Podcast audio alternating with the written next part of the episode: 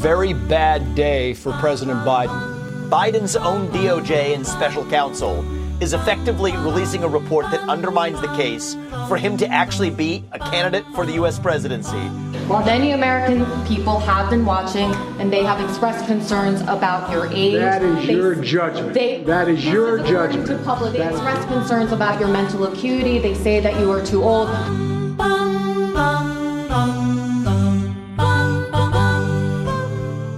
אוקיי, ברוכים הבאים לעוד פרק של אמריקה ללא פילטרים. באותו ערב, כמעט באותה שעה, שפוטין מתראיין לטאקר קרלסון ונותן לו הרצאה של יותר מחצי שעה על ההיסטוריה הרוסית מאז אה, שנת 900 בערך, עד הזמנים המודרניים, מפוקס, חד, ישיר, ממוקד מטרה, בין אם אתם אוהבים את פוטין או לא, הבן אדם, מנהיג, מתפקד, גם אם אתם לא אוהבים את ההחלטות שלו. ובדיוק באותו זמן יוצא דוח של התובע המיוחד במשרד המשפטים של ביידן, של ביידן עצמו. והדוח בוחן מדוע ביידן החזיק בביתו מסמכים סודיים. ובגלל ההתמקדות הברורה בטראמפ, למרות שהוא לא הנשיא, רבים מכם, אני בטוח ששכחו שביידן גם החזיק מסמכים סודיים, לא רק שהחזיק מסמכים סודיים, אלא גם בדוח, תכף תראו, ידע עליהם וחשף אותם במודע, למרות שהם סודיים ולמרות שהוא עובר על החוק. אבל איכשהו התמקדו בטראמפ, אדם שהוא כבר לא נשיא, הוא כבר לא, האמת, משרת כרגע בשו, לא בקונגרס ולא בנשיאות, הוא לא כרגע, הוא רק רץ לנשיאות, התמקדו בטראמפ, ולכן רבים לא מודעים בכלל, שביידן עצמו עשה את אותה עבירה שטראמפ עשה, רק שהוא כרגע הנשיא. אז איכשהו זה נאבד בתקשורת, אבל עם מה שקרה ביום חמישי בערב שעון ארצות הברית, כבר לא יוכלו להסתיר את מה שביידן עשה עם הדוח של התובע המיוחד, שבא לבחון מדוע ביידן החזיק בביתו מסמכים סודיים. בדוח של התובע המיוחד, ביידן מתואר כאדם סימפטי שמכוון לטוב, אך עקב גילו המתקדם, הוא סובל מבעיות זיכרון וקוגניציה. עכשיו, הוא לא סתם כותב את זה, אלא הוא גם מפרט איך הוא הגיע למסקנה הזאת, מהחקירה עצמה, מהתשאול עצמו, תשאול שארך כחמש שעות של החוקר מול ביידן, וזה איך החוקר מסביר את הדוח שלו על הזיכרון והקוגניציה הירודים של ביידן. הוא אומר ככה, ביידן לא זכר במהלך התשאול מתי נפטר בנו בו, בו ביידן, מתי הוא נפטר מסרטן, הוא לא זכר את זה. הוא אפילו לא הצליח לנקוב, כש, כאשר החוקר ניסה לשאול אותו לפחות את הטווח שנים, הוא לא הצליח לנקוב את הטווח של השנים שבהם בנו מת מסרטן. דבר ששום הורה בדרך כלל לא שוכח. בנוסף נכתב בדוח שהוא התקשה לזכור מתי בדיוק התחילה והסתיימה כהונתו כסגן הנשיא של אובמה, משהו שכל אמריקאי ממוצע יודע, כי הוא יודע מתי היו שנות הנשיאות של אובמה, ביידן לא זכר מתי הוא שירת כסגן הנשיא של אובמה. עכשיו, מה שהופך את הדוח הזה לכל כך אבסורדי וגם אירוני, זה שהדוח בעצם פוטר את ביידן ממשפט על מסמכיו המסווגים ששמר בביתו, בניגוד לטראמפ, שלא פטור משום משפט, ואכן נשפט על כך, עקב סיבת גילו, ציטוט, גילו המתקדם של הנשיא, שסובל מבעיות זיכרון וקוגניציה. כלומר, הוא לא כשיר להישפט על ציטוט, שמירת וחשיפה במודע של מידע צבאי מסווג. הוא לא כשיר להישפט על זה, בגלל בעיות הזיכרון והקוגניציה שלו, אבל הוא כן כשיר להיות נשיא המעצמה החזקה בעולם. האיש החזק בעולם, זהו כן כשיר. עכשיו זהו דוח שהוא כזאת פצצה, כי זה כבר לא פרשן או אנשים או סקרים, זה התובע המיוחד של ביידן, התובע המיוחד ממשרד המשפטים של ביידן. אז אם חשבתם שזה הזיק לביידן, זוהי הייתה רק ההתחלה של אותו ערב שעלול בשביל ביידן להיות נקודת מפנה בבחירות לנשיאות. אז ביידן אה, בעצם כך פתח את מסיבת עיתונאים שבאה לתקן את נזקי הדוח שעלול לשנות את תוצאות הבחירות ותכף כבר ישוקף בסקרים. בואו נשמע. As you know, the special counsel released its findings today about their look into my handling of classified documents. I was pleased to see he reached a firm conclusion that no charges should be brought against me in this case. This was an exhaustive investigation going back more than 40 years, even into the 1970s when I was still a new United States Senator. the special counsel acknowledged I cooperated completely. I did not throw up any roadblocks. I sought no delays. In fact, I was so determined to give the special counsel what he needed, I went forward with a five hour in person, five hour in person interview over two days on October the 8th and 9th of last year, even though Israel had just been attacked by Hamas on the 7th and I was very occupied. It was in the middle of handling an international crisis. אז כשפיטר דוסי כתב פוקס ניוז שואל את ביידן על הזיכרון שלו, הזיק... שוב, שנכתב בדוח של משרד המשפטים של עצמו, שלו, ביידן עונה לו, הזיכרון שלי כל כך טוב, שאני נותן לך לדבר? President Biden, something the special counsel said in his report is that one of the reasons you were not charged is because, in his description, you are a well meaning elderly man with a poor memory. I'm well meaning and I'm an elderly man and I know what the hell I'm doing. I've been president. I put this country back on its feet. I don't need his recommendation. It's How totally bad out. is your memory, and can you continue as president? My memory is so bad I let you speak. טוב, וסמל לשינוי של היחס של המפלגה הדמוקרטית לביידן, עיתונאי מהשמאל, עיתונאית מהשמאל, בעצם שואלת את ביידן, ששאלנו אותך על הגיל שלך בתחילה, לפני הנשיאות, אמרת לנו, חכו ותראו את התפקוד שלי. ועכשיו המצביעים רואים את התפקוד שלך, והם רואים שאתה לא מתפקד. איך אתה מסביר את זה? ומה שהוא עונה לזה, Mr. President, for, Mr. President, for months when you were asked about your age, you would respond with the words, watch me. Many American people have been watching and they have expressed concerns about your age. That is They- your judgment. they- That is this your according judgment. to public That is polling. not They the expressed judgment of the concerns- press. They expressed concerns about your mental acuity. They say that you are too old. כלומר, כתבת מהשמאל ששואלת אותו על בעיות הזיכרון שלו, אומר לה, לא, זה רק את חושבת ככה. על מה אתה מדבר? דעה שלה? רק, אבל לא... על מה אתה מדבר? זה הנושא העיקרי שמטריד את כולם, וזה מה שהוביל לאחוזי התמיכה בך כנשיא לאחוזים נמוכים באופן היסטורי. פשוט לא סומכים על התפקוד שלך. ואז אותה כתבת שמאל שואלת אותו, אתה בעצמך אמרת שדמוקרטים רבים יכולים לנצח את טראמפ בקלפי, לא רק אתה.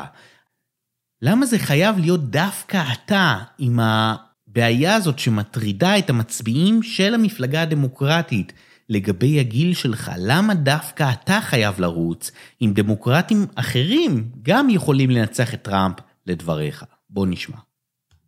Mr. President, in December, you told me that you believe there are many other Democrats who could defeat Donald Trump. So why does it have to be you now? Why, what is your answer to I'm the that most question? qualified person in this country to be president of the United States and finish the job I started. אני נבחרתי לנשיא ואני אסיים את העבודה. טוב. והרגע הכי מגוחך במסיבת העיתונאים, שוב, מסיבת עיתונאים שנועדה לתקן את הנזק של דוח של התובע המיוחד ממשרד המשפטים של ביידן, שטוען אחרי תישול של חמש שעות, שלביידן יש בעיות זיכרון וקוגניציה קשות, עד כדי כך שהוא לא שפיט, אי אפשר לשפוט אותו. וזה הרגע שתקשורת השמאל בארץ כבר לא הצליחה לעצור, והייתה חייבת לפרסם, הרגע שבו ביידן קורא לאסיסי נשיא מקסיקו. As you know, initially, the president of Mexico, Sisi, did not want to open up the gate to allow humanitarian material to get in. I talked to him. I convinced him to open the gate. I talked to Bibi to open the gate on the Israeli side. I've been pushing really hard, really hard to get humanitarian assistance into Gaza. There are a lot of innocent people who are starving, a lot of innocent people who are in trouble and dying. אז בעצם נשיא מקסיקו הוא זה שמנסה למנוע מישראל להיכנס לרפיח כדי שלא יעברו עזתים לתוך הגבול של מקסיקו. אוקיי, כל זה בשבוע שבו הוא כבר טעה בשמם של מנהיגים, כולל מנהיג אה, אה, נשיא צרפת מקרון, שקרא לו מיטרן, שהוא הנשיא המנוח של צרפת, וקרא לאנגלה מרקל, במקום הקאנצלרית אנגלה מרקל, קרא לה אלמוט קוהל, שהוא גם פוליטיקאי עבר של גרמניה. כלומר, זה נראה כאילו הראש שלו נשאר בעבר. הנה הרגע שבו ביידן עונה לשאלה של עיתונאית ששואלת אותו על אה, נתניהו ומה שנתניהו עושה ועד מתי המלחמה תימשך בעזה, והוא אומר לה שהתגובה בעזה מוגזמת. אחר כך התחיל הוויכוח האם הוא מתכוון שהתגובה של ישראל בעזה מוגזמת, או התגובה, וזה דווקא השמאל מנסה לדחוף, שמה שהוא התכוון בתגובה מוגזמת בעזה, היה בעצם שהתגובה של חמאס במשא ומתן לעסקת החטופים, כלומר, ההצעה הנגדית של חמאס בעסקה, הייתה מוגזמת. הנה ביידן מדבר על המלחמה בעזה, בוא נשמע. I'm of the view, as you know, that the conduct of the response in Gaza, in the Gaza Strip, has been um, over the top. The response in Gaza was over the top. כלומר, לא התגובה של ישראל בעזה, אלא התגובה של חמאס במשא ומתן. נריה קראוס וגיל תמרי, כתבי השמאל הבכירים, שמאתרגים את ביידן ולא מפספסים הזדמנות להיכנס בטראמפ, רצו מהר להגן על ביידן, וזה מה שהם אומרים. נריה קראוס רצה מהר, מהר, מהר, הוציאה הודעה עוד לפני שהסתיים המסיבת עיתונאים, כבר הוציאה באטרף. כתבה ציוץ, דוברת הבית הלבן אומרת בתדרוך, דבר לא השתנה במסרים של ביידן. הנשיא היה מאוד ברור בדבריו שדיבר על פעולות ישראל בעזה, ושארצות הברית רוצה שחמאס יובס. אוקיי, שוב, דוברת הבית הלבן תמיד איכשהו מפרשנת לנו את המילים שהנשיא אמר, הוא משום מה לא מצליח אף פעם להסביר את עצמו, ואיכשהו דוברת הבית הלבן מפרשנת את זה, וזה נשמע מאוד קוהרנטי ומאוד מסודר עם הפרשנות שלה על מה שהנשיא אומר. נריה קראוס לא מפסיקה לאתרג את ביידן. חס וחלילה אין בעיות זיכרון וקוגניציה גם אם אנשיו שלא יאמרו את זה. אצל נריה קראוס, ביידן כשיר ועוד איך כשיר. ציוץ של נריה קראוס לא מאמינה שצריכה לצייץ את זה. ראיתי את ביידן בבית הלבן מספר פעמים, בלי פילטרים. תמיד היה חד וחריף, בקיא בכל פרט שנוגע לישראל, לממשל הישראלי, ללחימה בעזה וליהדות ארצות הברית. הוא מתווה בעצמו מדיניות של עמידה איתנה לצד ישראל בלחימה, ולא מוותר. כל היתר זה ניסיון להשיג כותרות בדרכים עלובות. והמשיכה להגן על ביידן, על מסיבת העיתונאים האסונית הזאת, שחס וחלילה לא תיפול תמיכתנו בביידן. ציוץ של נריה קראוס אחרי מסיבת העיתונאים, בניגוד לדיווחים, ביידן, הדגשה, לא. אמר שהתגובה הצבאית של ישראל בלחימה בעזה הייתה מוגזמת. הוא כן אמר שהתגובה בעזה, בסוגריים, כלומר התגובה של חמאס, סגור סוגריים, להצעת עסקת החטופים הייתה מוגזמת. ממש מה שאמר לפני יומיים. הדיווחים בחו"ל משמיטים את המילים הרלוונטיות שמהן ברור שהוא מתייחס לעסקת החטופים. עכשיו מה שמעניין הוא שגם אם הוא באמת התכוון לעסקת החטופים, המצב שבו נשיא אנחנו לא מצליחים להבין, להבין מילים בסיסיות למי הוא בכלל מתכוון כשהוא מדבר, וזה לא פעם ראשונה ולא פעם שנייה ולא פעם שלישית, וזה נשיא המדינה החזקה בעולם, ואנחנו לא מצליחים להבין את מה שהוא אומר, ואנחנו צריכים את נריה קראוס ודוברת הבית הלבן וגיל תמרי, שיסבירו לנו למי הוא התכוון כשהוא אמר משהו, אנחנו אפילו לא מבינים על מי הוא מדבר. לא ייתכן מצב שכל פעם שהוא מדבר, אנחנו צריכים שעיתונאי השמאל יפרשו, יפרשנו לנו למה הוא התכוון, מה הוא חשב, מה הוא בעצם אמר, אבל במקרה אמר משהו אחר, והציבור האמריקאי רואה את זה. אז ביידן אה, אכן שינה גישה לישראל, ואנחנו רואים איך המפלגה הדמוקרטית התחילה ב-7 באוקטובר, מילים גדולות, ולאט לאט, ממש בגרף מתון ככה יורד, יורד, יורד, התמיכה יורדת מיום ליום, וכל יום שעובר הגישה משתנה, במיוחד כשביידן רואה שהוא הולך להפסיד את המוסלמים, את המצביעים המוסלמים, ואת השמאל הקיצוני, והסטודנטים שרובם אה, בשמאל. נשיא ארצות הברית ג'ו ביידן אומר הלילה, זה ביום חמישי במסיבת העיתונאים, כי הוא דוחף נמרצות להגיע להפסקת אש ממושכת בלחימה בעזה, וחפים מפשע רבים בעזה נהרגים בלחימה. עוד ציין ביידן כי הוא פועל כדי להביא לשחרור החטופים, וכי התקדמות בסוגיית החטופים תאפשר להביא לשינוי בלחימה. כלומר, מה שהוא מבטיח בעצם לבוחרים שלו, בשמאל, זה ש... אה, נגיע לעסקת חטופים, אז אתם תראו שהלחימה תיגמר, או, או תירגע, או אה, מה שהיה לא שיהיה.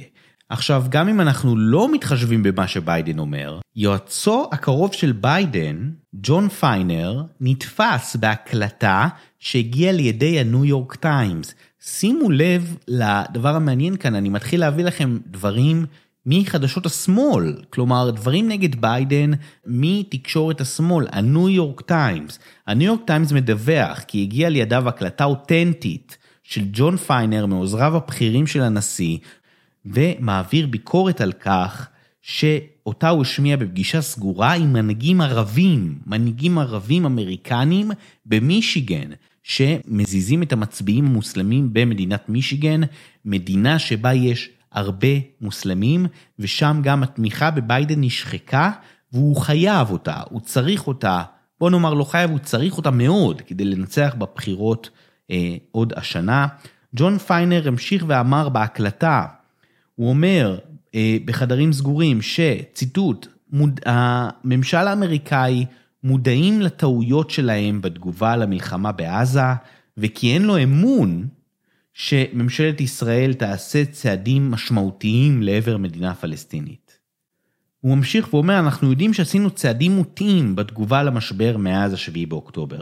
כלומר, הוא סוג של מתחרט בפני המנהיגים הערבים במישיגן על אה, בעצם אופן התפקוד של ביידן, כלומר העזרה המוגזמת והתמיכה בישראל של ביידן בישראל, בעצם מתנצל על כך בפני מנהיגים ערבים בהקלטה שלא הייתה אמורה להגיע לשום מקום, אבל הגיעה והודלפה לניו יורק טיימס. ובסוף הוא אומר את משפט המחץ, שוב, היועץ הבכיר של ביידן אומר את המשפט הבא, אין לי אמון בממשלת ישראל.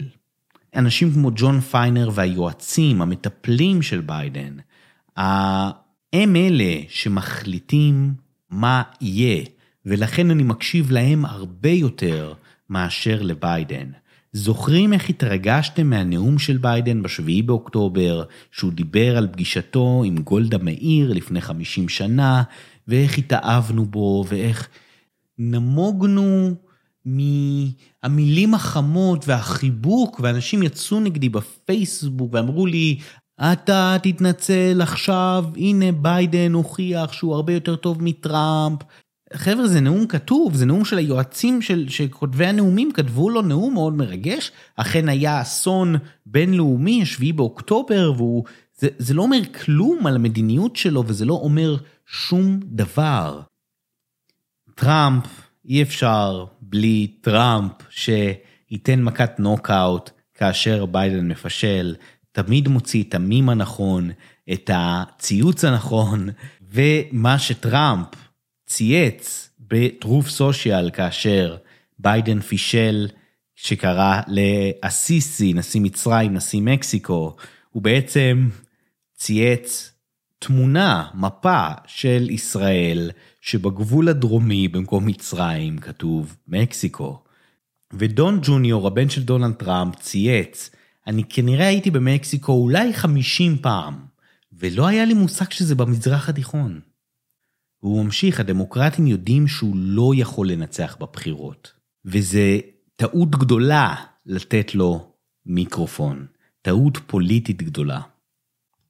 טוב, ויבק רמסוואמי, מי שכנראה בתעשיית ההימורים כרגע אה, מוביל בסיכוייו להיות סגן הנשיא, לרוץ כסגן הנשיא של טראמפ, אמר דבר מאוד מעניין על מסיבת העיתונאים של ביידן. הוא בעצם אומר שמה שקורה כאן הוא לא סתם, אלא הכל מתוכנן. בואו קודם נשמע את ויבק רמסוואמי על מסיבת העיתונאים האסונית של ביידן. As the news breaks, thank you. Let's bring in former GOP presidential candidate Vivek Ramaswamy. Vivek, thank you for coming on. We very much appreciate this. Very bad day for President Biden. What do you think? Look, I think the number one takeaway trace is this. Joe Biden will not be the nominee. I said this last year. People dismissed it as some type of conspiracy theory. Today, I think it became that much more obvious. Play this out. Biden's own DOJ and special counsel is effectively releasing a report that undermines the case for him to actually be a candidate for the U.S. presidency right as Biden's poll numbers are cratering. We have to do the math, skate to where the puck is going, not fall for the deflection. But I do think what they're planning for is to sideline Biden as the nominee, trot in a different puppet instead. That's the most significant takeaway from tonight. ציטוט של ויבק, ביידן לא יהיה מועמד המפלגה הדמוקרטית בנשיאות 2024. ויאמר לזכותו שהוא אומר את זה כבר מההתחלה. הוא אומר את זה מההתחלה, מתחילת הפריימריז. הוא אומר שכל מה שקורה זה בעצם מתוכנן. הדוח של התובע המיוחד, המפלגה הדמוקרטית שדוחפת את ביידן לדבר במסיבת עיתונאים, ובעצם לפשל פישול אחרי פישול אחרי פישול, הכל מכוון, מאוד מעניין. וויבק לא עוצר כאן, הוא מסביר בפרטים, אתם צריכים לזכור רק שוויבק הוא מולטי מיליונר, איש הייטק שעבד עם כל הגדולים, מולטי מולטי מיליונר, קרוב למיליארד דולר, כתב ספר רב מכר, אדם ברור וחד. בואו נשמע איך הוא מסביר בעצם את האסטרטגיה של הדמוקרטים, ומי בעצם הולך להחליף את ביידן אם ביידן לא ירוץ. בואו נשמע. But I think the reality is this the managerial class in the Democratic Party, and I believe in the deep state, has decided that they have lost their use for Joe Biden as a puppet. I think they laid a trap for him. They invited him effectively to prove to the American people that he doesn't have the mental acuity to do it. He fell into their trap, and now they're laying the groundwork for in the coming three months to sideline him and actually put up who the real nominee is going to be. So I said this at the end of one of the Republican presidential debates, and I'll say it again. Just be honest with the American people. Tell us who the actual nominee is going to be so that we don't play these games and we can actually have an honest, open debate about who should be the next president of the United States. Because we Yeah. know that Joe Biden is not going to be one of those candidates. And I think tonight made that that much more clear. ויבק משוכנע שביידן לא יהיה נציג המפלגה הדמוקרטית, והוא אומר, הכל מתוכנן אחד לאחד, כולל לוח הזמנים של מתי הם עושים כל דבר, כדי להביא, יהפוך את זה לאמין, שביידן מחליט או מוחלט בשבילו לא לרוץ לנשיאות 2024. הכל מתוכנן אחד לאחד. אוקיי, אבל שוב, אני שואל, מי יחליף אותו? מי, נו מה זה איך ביידן לא ירוץ? אבל מי, מי במקומו? מה, קמאלה האריס? מי? מי יחליף את ביידן? אני אתן לכם שנייה לנחש, ועכשיו תשמעו מה ויבק חושב. Stopping them from sidelining Joe Biden. That's what I call the Kamala Harris problem. They've tethered their identity to identity politics. Yet, if they don't make her the nominee, it makes them very difficult to sideline Biden, which is what leads me to, I think, the likely conclusion that it is going to be someone like Michelle Obama who they do put up. So I think there are serious discussions likely underway. Pretty soon, those are going to spill over into the public sphere. אז אכן, זה השם הכי חם כרגע להחליף את ביידן, תחת ה, במרכאות, קונספירציה הזאת, מי ש... הסיכויים שלה הכי גבוהים לנצח את טראמפ, אם היא תרוץ, זאת מישל אובמה. ולמרות שהיו פה רמיזות פה ושם, היא עדיין לא אמרה שהיא בכלל בראש של ערוץ או להיות נשיאת ארצות הברית. אני לא יודע מה יהיה, קשה לי, אני עצמי להאמין, אבל נצטרך לחכות ולראות. הנדסת התודעה מחממת מנועים לקראת בחירות 2024 ראש בראש טראמפ מול ביידן, במיוחד מאז שהם הבינו שטראמפ יהיה נציג המפלגה הרפובליקנית, המנועים עכשיו ב full power, ולכן כל כך הרבה fake news יצא בשבועות האחרונים, שאני הולך פה לעשות פרק שלא תכננתי לעשות אותו, פרק שבכלל לא היה בלוז שלי לעשות אותו, אני אפריך fake news אחרי fake news, של השבועות האחרונים של התקשורת הישראלית על הבחירות בארצות הברית, אמריקה ללא פילטרים, ונתראה בפעם הבאה.